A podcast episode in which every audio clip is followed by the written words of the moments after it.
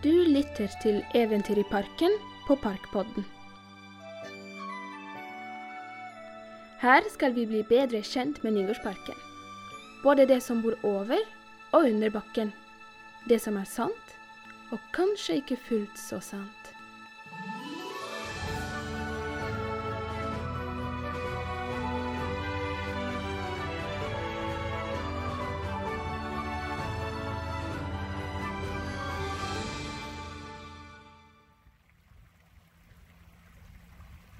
Hei, jeg er Lina, Og jeg er Stine. og vi er Eventyr i parken. Og til vanlig så pleier vi å løpe rundt i Nygårdsparken i merkelige kostymer, men nå prøver vi på noe annet. Ja, for vi har lyst til å bli litt bedre kjent med denne flotte parken. Og nå har jeg tatt med meg Stine for å ta en nærmere titt på en av skulpturene som står her i Nygårdsparken. Ja, og denne skulpturen synes jeg er så fin. Ja, det er jeg helt enig i, og den viser en jente som klemmer et dyr. Og rundt jenten så er det små fisker som spruter vann.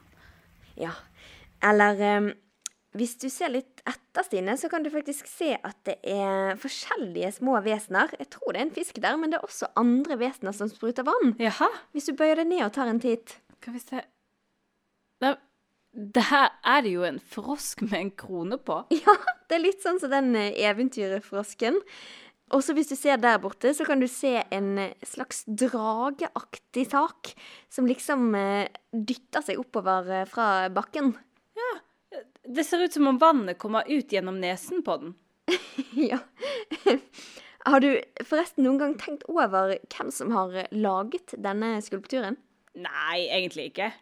Det er nemlig Vigeland som har laget denne. Og er det han som har laget den skulpturparken i Oslo? Han som lagde Sinnataggen? Det er ikke han som lagde Sinnataggen. Han heter Gustav Vigeland. Men det er lillebroren til Gustav, Emanuel Vigeland, som har laget denne. Om du er i Oslo, i parken til Gustav Vigeland, så kan du finne en lignende skulptur. Vet du hvilket dyr dette her er? Ja, jeg ville tippet at det var en, en ung hjort eller et dådyr. Ja, det er ikke så rart at du tenker det. Vi kan jo se litt nærmere på, på dette dyret. Det er nemlig et ganske mystisk dyr, dette her. Å? Om du ser oppå hodet til dyret, så eh, kan du se noe som stikker ut. Horn? Ja, et lite horn. Det er ikke så lett å se om du bare går kjapt forbi. Det er ikke så stort, dette hornet her. Men det er altså et horn, og da er dette et dyr med ett horn i pannen. En enhjørning? Ja! det er faktisk en enhjørning. Og hvem skulle vel ikke ønske å få se en ekte enhjørning? En vakker skapning med horn i pannen. En enhjørning er jo et dyr som har eh, blitt snakket om og fortalt historier om i alle år. Ja, men nå kjenner vi jo best til enhjørningen som en som er veldig god til å være magisk og pumpe glitter og regnbuer. Ja, enhjørningen er veldig populær nå for tiden. Den eh, prompet nok ikke så mye regnbuer i gamle dager. For før så var enhjørningens kraft gjerne et spørsmål om liv og død. Dette er et dyr med helt egne krefter. Og om du ser godt på enhjørningen, så kan du se der flest mennesker har klappet den. Det er på hornet. Kan du se det? Ja, det er liksom mer gullfarget her. Ja. Kobber, det blir sånn når mange tar på det. Hvorfor tar så mange på hornet, da? Jo, nå skal du høre.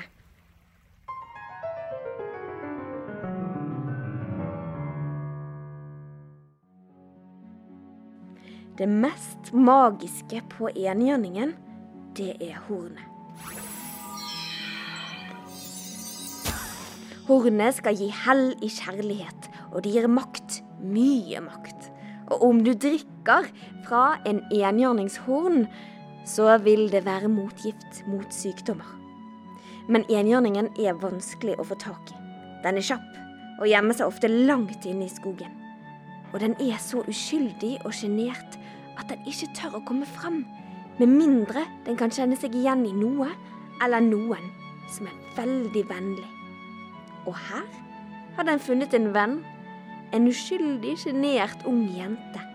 Like ren og uskyldig som enhjørningen sjøl. Tror du de er lykkelig? her langt inne i skogen. Om du hører godt etter, så kan du høre at jenten hvisker noe. Løp, enhjørning. Løp. De vil fange deg og ta hornet ditt. De lurer i skogen, i buskene rundt oss. Løp!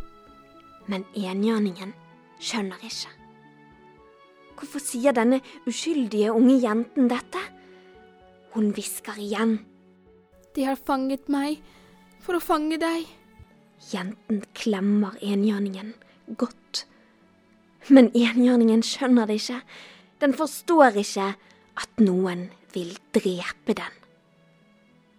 Enhjørningen har ikke hørt om ondskap. Den er for god for å skjønne slike ting. Og nå Nå hører de at det knaker i buskene rundt dem. Der er han. Se der. Åh, nå skal vi bli rike og mektige, og vi skal leve evig. Kom, vi tar han. Det kvesses sverd, og pilene spennes i buene. En tåre renner ned jentens skinn, Løp, enhjørning! Løp! men enhjørningen rikker seg ikke. Skyt!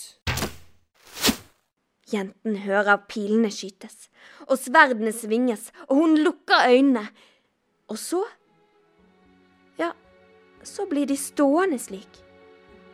Et beskyttende kobberlag brer seg rundt dem. Pilene trenger ikke gjennom. Sverdene klinker mot metall. Og hornet, enhjørningshornet, det sitter bom fast. Enhjørningens godhet og den unge jentens kjærlighet var sterkere enn alle jegernes piler og sverd. De frøs fast i hverandre. De frøs fast i øyeblikket, der langt inne i skogen, som et minne om det rene og gode. De to uskyldige som reddet hverandre. Og her står de, ennå. Og her skal de stå for alltid. Men de hører deg, om du hvisker de en hemmelighet. Og klapper du lett på enhjørningens horn, så kan det fort bringe lykke. Send de en varm tanke når du går forbi, så skal du se at engjørningens kraft vil følge deg.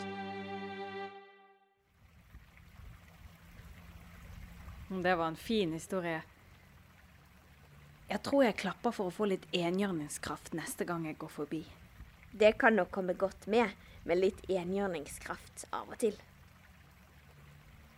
Hvis dere vil høre flere historier fra parken, sjekk ut de andre episodene av Parkpodden.